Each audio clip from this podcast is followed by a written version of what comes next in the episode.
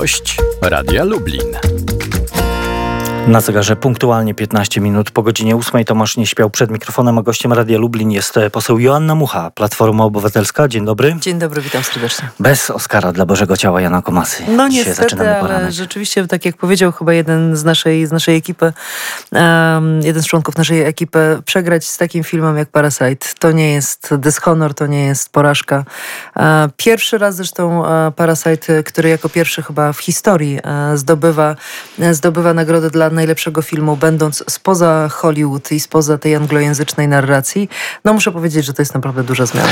Dla, dla Polski oczywiście kolejne ogromne wyróżnienie, dla polskiej kinematografii, no bo to już mamy kolejną nominację i to, na, ta, to nasze kino, e, kinematografia e, już chyba na stałe wchodzą e, do, do tej światowej kinematografii i są zauważane. To prawda, rzeczywiście mamy się czym pochwalić i myślę, że należy o tym mówić, że jest to dzieło w dużej części jednej osoby, Agnieszki Odorowicz, która stworzyła Polski Instytut Sztuki Filmowej mniej więcej w 2007-2008 roku, jeśli dobrze pamiętam, to jest ten czas. E, I naprawdę starania tej jednej osoby, e, żeby dobrze finansować e, polskie kino, żeby dobrze organizować produkcję, bo to są tego, tego typu rzeczy, przyniosło, przyniosło tak niesamowite i fenomenalne skoki jakościowe, jeśli chodzi o polskie kino. To jest naprawdę zauważalne, bo mamy właściwie co roku mamy, mamy filmy doskonałe. Jak zobaczyłam Boże Ciało pierwszy raz, od razu powiedziałam, że to jest film oscarowy, że to jest po prostu, to jest arcydzieło sztuki filmowej. On jest oczywiście trudny, mroczny i, i, i poruszający, ale, ale to jest absolutnie arcydzieło sztuki filmowej. To teraz o polityce. Jeszcze dwa słowa powiem, bo tego Państwo o mnie nie wiecie, bo więc się, mam, mam forum, żeby się pochwalić. Przez pół roku byłam w łódzkiej filmówce na Wydziale Scenariusza. To teraz o y, polityce. W sobotę y, obradowała w Warszawie Rada Krajowa Platformy Obywatelskiej na pierwszym e, posiedzeniu po wyborze nowego przewodniczącego, którym został Borys e, Budka. Wybraliście nowe władze. Czy to była e, czystka, czy tylko przewietrzenie władz Platformy Obywatelskiej z ludzi Grzegorza Schetyny? Ani czystka, ani przewietrzenie. Niektórzy ludzie, którzy współpracowali z Grzegorzem Schetyną, czy byli nominowani przez Grzegorza Schetynę do zarządu, w tym zarządzie pozostali. Tomasz Siemoniak, Ewa Kopacz. Tak, znaczy no, Ewa Kopacz nie nazwałabym, że jest osobą, która jest w jakikolwiek sposób związana z, Grzegorzem, z Grzegorzem Schetyną, ale inne, inne osoby rzeczywiście pozostały. E, jest odświeżony dość wyraźnie ten, ten zarząd. Weszła grupa ludzi e, młodych, tych 40-latków, e, o których tak się dużo mówi i myślę, że to bardzo dobrze, ale to jest jednocześnie zarząd kontynuacji, bo, bo naprawdę duża część została. Pamiętajmy, że my mamy statut dość specyficznie sformułowany. Ten zarząd jest bardzo duży. Tam jest między innymi 16 szefów regionów i oni wszyscy oczywiście zostają na tę chwilę, nie ma żadnej zmiany. W związku z tym raczej e, e, e, kontynuacja z taką pozytywną, fajną korektą. Myślę, że ta, ta, ta konwencja mm, ostatnia, sobotnia pokazała, że, że jesteśmy na trochę na, na, na nowej ścieżce. Sporo się mówiło podczas tej rady o błędach przeszłości. Małgorzata Kidawa-Błońska przekonywała, że totalna opozycja to nie jest dobre rozwiązanie. Rafał Trzaskowski mówił, że Platforma musi wyciągnąć wnioski y, z błędów. Y, to był kolejny sąd nad Grzegorzem Schetyną, kolejny po wyborach, y, które no, pokazały, że wybrał, wygrał kandydat z gigantyczną przewagą, którego e, trudno posądzać o takie bliskie e, związki z Grzegorzem Schetyną. O, te związki nie były wcale takie, takie małe, to też nie przesadzajmy, bo przecież Borys Budka e, został zaproponowany do poprzedniego zarządu na wiceprzewodniczącego właśnie przez Grzegorza Schetynę, więc to nie jest... Na, to ale. Grzegorz Schetyna miał swojego w tych wyborach kandydata. Miał swojego kandydata, to prawda, ale to naprawdę nie jest tak, żeby był jakiś konflikt w Platformie, żebyśmy my się w jakiś sposób mocno tutaj ze sobą no, ale w czasie, w czasie tej kampanii waszej wewnętrznej yy, także pani przecież była yy, przez długi czas e, kandydatką do objęcia tej, tej funkcji i mocno krytycznie wypowiadało się także o działaniach Grzegorza Schetyny. To prawda i uważam, że rzeczywiście mogliśmy wygrać poprzednie wybory, gdyby nie parę błędów popełnionych. Jednym z najpoważniejszych, i mówiłam o tym na każdym spotkaniu, była totalioza, czyli totalna opozycja. Nie mamy prawa być totalną opozycją, dlatego że totalna opozycja po pierwsze zwalnia z myślenia, Bycie totalną kiedy, pani poseł, kiedy, kiedy Grzegorz Schetyna wypowiedział te, te głośne słowa, to wtedy jakoś wielkiego oburzenia w Platformie nie słyszeliśmy. Bo być może niektóre rzeczy potrzebują trochę czasu. Ludzie też oczekiwali od nas takiego protestu jednoznacznego. Ja zresztą mówię, że to jest trochę w poetyce tego nie bądź obojętny, tak? 11 nie bądź obojętny. Tego, o czym mówił e, Marian Turski e, podczas ostatnich e, wydarzeń. I rzeczywiście my sobie chyba za bardzo wzięliśmy do, do serca takie, to, to, to przykazanie, nie bądź obojętny i za bardzo reagowaliśmy, ale my nie możemy tylko reagować. Bycie totalną opozycją jest bycie tylko i wyłącznie reaktywnym, zwalnia w pewien sposób z myślenia. My musimy narzucać nasze tematy, pokazywać rzeczy, które są bardzo złe w tej chwili w Polsce i które chcemy poprawić i pokazywać w jaki sposób chcemy je poprawić. A coś, co najbardziej podobało się pani w przemówieniu Borysa Budki w sobotę właśnie, bo wszyscy też oczekiwali, że będzie ono jakieś przełomowe, że da nowe otwarcie, także w związku z rozpoczętą już de facto kampanią e, wyborczą do wyborów do, na prezydenta. A podobało mi się to, że ani razu nie pojawiło się słowo PiS, jeśli dobrze pamiętam. Mam wrażenie, że ani, ani raz e, nie, nie, nie wymienił e, Ale ja mam wrażenie, że teraz e, zmieniła się retoryka i e, nie straszycie, mówię tutaj o opozycji, nie straszycie PiSem, tylko polexitem.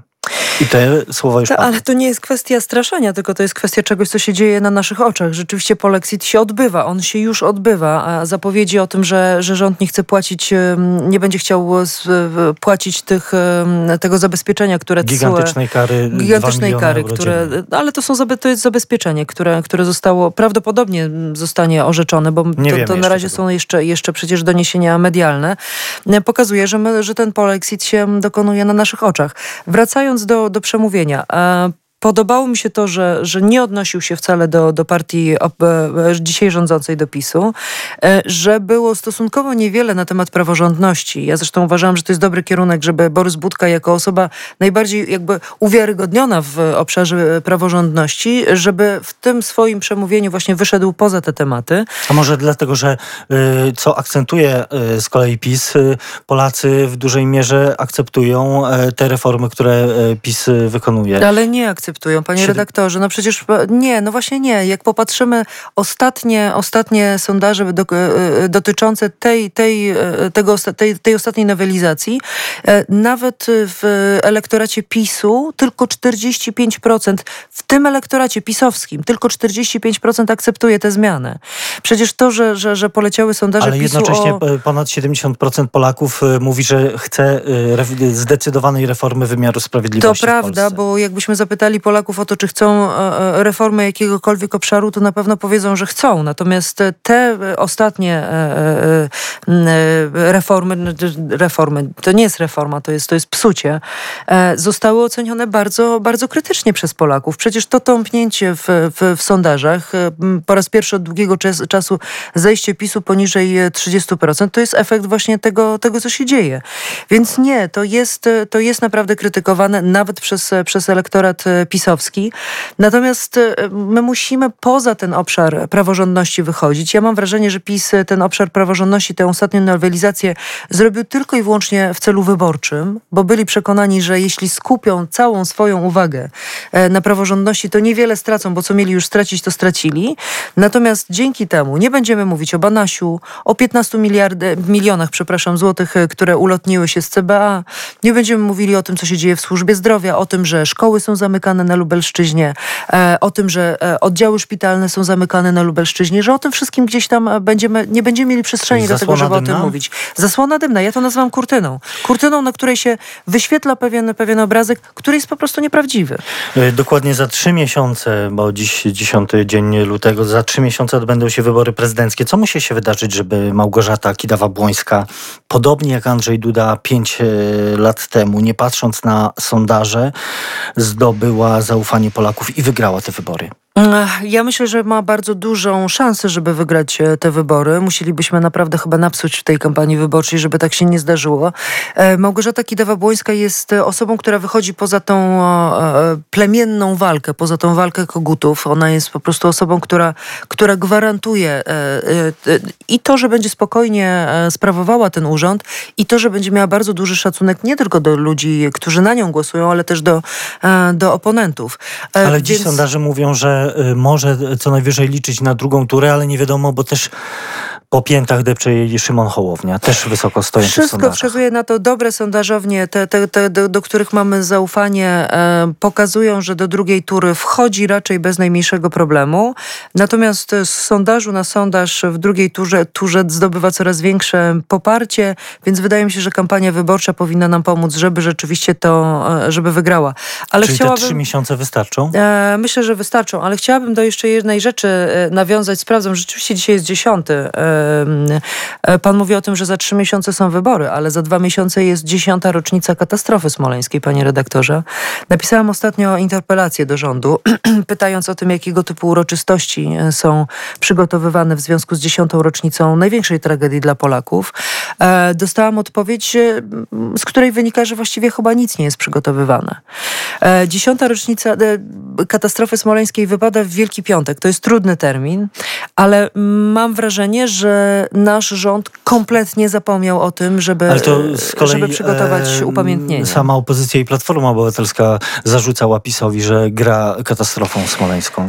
E, nie chcę, odmawiam grania politycznego i u, uważam, że to jest po prostu obrzydliwe, że, że ludzie grają e, katastrofą smoleńską.